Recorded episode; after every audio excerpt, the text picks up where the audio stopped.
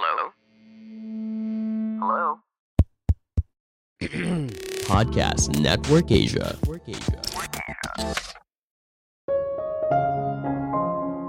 Tidak ada yang salah dengan menjadi biasa aja, karena mayoritas orang ya begitu.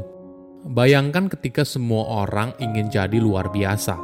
Tentunya mereka semua pada akhirnya jadi biasa aja kan? Halo semuanya, nama saya Michael. Selamat datang di podcast saya, Sikutu Buku. Kali ini saya akan bahas kalau kita mungkin perlu belajar untuk menjadi orang biasa aja. Bayangkan ketika seorang mengatakan kalau keahlian kamu di suatu bidang tertentu itu biasa aja. Bagaimana perasaan kamu? Bagi kebanyakan orang, hal ini tentunya tidak menyenangkan atau bahkan menyakitkan. Kita merasa ada tekanan untuk jadi orang di atas rata-rata, menjadi spesial, berbeda, dan sebagainya. Jadi, kita sebisa mungkin menghindari kata biasa aja. Tapi apakah kamu tahu kalau mayoritas itu sebenarnya ya biasa aja? Bahkan ketika kita pikir kalau kita hebat di satu bidang, misalnya soal matematika, memasak, atau main lato-lato, kemungkinan besar di area lain dalam hidup kita adalah rata-rata atau bahkan di bawah rata-rata. Realitanya, kita harus berdamai dengan menjadi biasa aja. Ini bukan artinya kita tidak perlu menjadi versi terbaik dari diri kita sendiri ya. Tapi kita menerima kalau diri kita biasa aja walaupun kita sudah melakukan hal terbaik. Sebelum kita mulai, buat kalian yang mau support podcast ini agar terus berkarya, caranya gampang banget. Kalian cukup klik follow. Dukungan kalian membantu banget supaya kita bisa rutin posting dan bersama-sama belajar di podcast ini.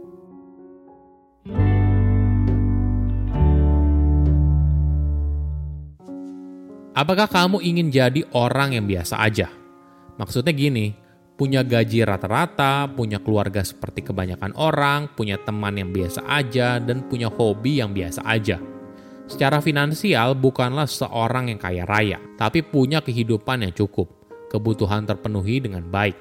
Apakah kamu ingin hidup seperti itu? Jika iya, artinya kamu sudah lebih baik dari 49,99 persen. Tentunya tidak ada yang salah dengan hidup seperti itu. Setiap orang punya tujuan hidupnya masing-masing. Namun ketika kita dibilang biasa aja atau seperti orang rata-rata, kita justru kesal. Padahal ketika kita memberikan label itu kepada orang lain, kita merasa itu wajar aja. Kenapa?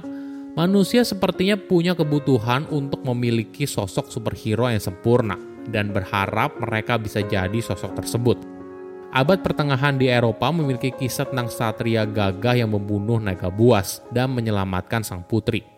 Roma dan Yunani kuno memiliki mitos soal pahlawan yang mampu memenangkan perang seorang diri dan dalam beberapa kasus berhadapan dengan para dewa. Setiap budaya manusia lainnya juga penuh dengan kisah-kisah yang fantastis. Sekarang kita dipenuhi oleh kisah pahlawan super dari buku komik. Mungkin ini adalah mekanisme pertahanan diri untuk menghadapi perasaan tidak berdaya yang kita miliki. Karena pada dasarnya, tidak setiap orang merupakan orang yang sukses, berpenampilan menarik, kaya raya, dan sebagainya. Mayoritas orang adalah orang biasa, dan hal ini tentunya tidak mudah untuk diterima. Mungkin kita membayangkan sesuatu yang besar bagi hidup kita, kalau kita adalah tokoh utama dalam sebuah cerita yang menakjubkan Realitanya, kita harus berdamai dengan menjadi biasa aja. Ini bukan artinya kita tidak perlu menjadi versi terbaik dari diri kita sendiri, ya.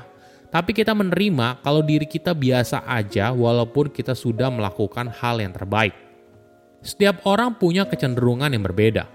Beberapa dari kita dilahirkan dengan bakat tinggi dalam hal pembelajaran akademik. Yang lainnya dilahirkan dengan keterampilan fisik yang hebat. Ada yang atletis, ada juga yang artistik.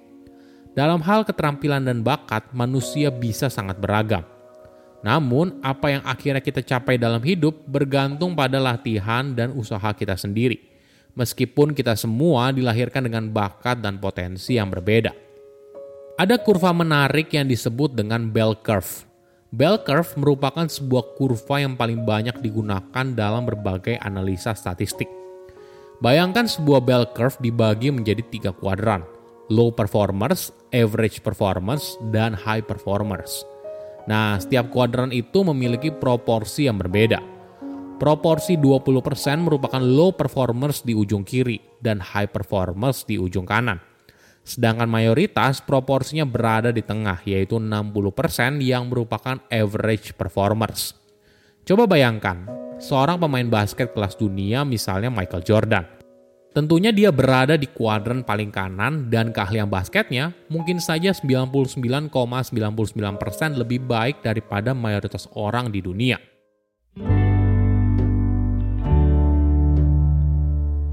Apakah kamu pernah sadar kalau mayoritas dari kita pada dasarnya ya biasa aja? Bahkan ketika kita pikir kalau kita hebat di satu bidang, misalnya soal matematika, memasak, atau main lato-lato, kemungkinan besar di area lain dalam hidup kita adalah rata-rata atau bahkan di bawah rata-rata. Kenapa? Karena kita punya waktu dan energi yang terbatas. Ketika kita mencurahkan semuanya di satu bidang, maka di area lain tentu saja berada pada kuadran rata-rata atau malah sangat buruk. Ini yang harus kita pahami. Pada akhirnya, menjadi biasa aja sebagai sebuah tujuan tentunya bukan hal yang baik. Tapi menjadi biasa aja sebagai sebuah hasil itu justru baik. Kamu mungkin merasa ini aneh. Kamu merasa, buat apa hidup biasa aja? Harusnya kan kita menjalani hidup yang luar biasa dong atau parahnya lagi, kita merasa kalau kita adalah karakter utama yang berhak menjalani hidup yang luar biasa. Coba kita pikir kembali. Apabila setiap orang ditakdirkan untuk menjadi luar biasa, maka artinya tidak ada yang luar biasa kan? Toh semua orang sama saja. Media, masyarakat, atau budaya berusaha menekankan kalau hidup biasa aja itu adalah standar kegagalan yang baru. Kita dianggap gagal apabila kita menjadi orang biasa aja dan seperti mayoritas orang pada umumnya. Justru pola pikir ini bisa berbahaya. Ibaratnya gini, ketika kamu merasa kalau hidup itu harus luar biasa, bagaimana dengan mayoritas orang yang menjalani hidup di dunia?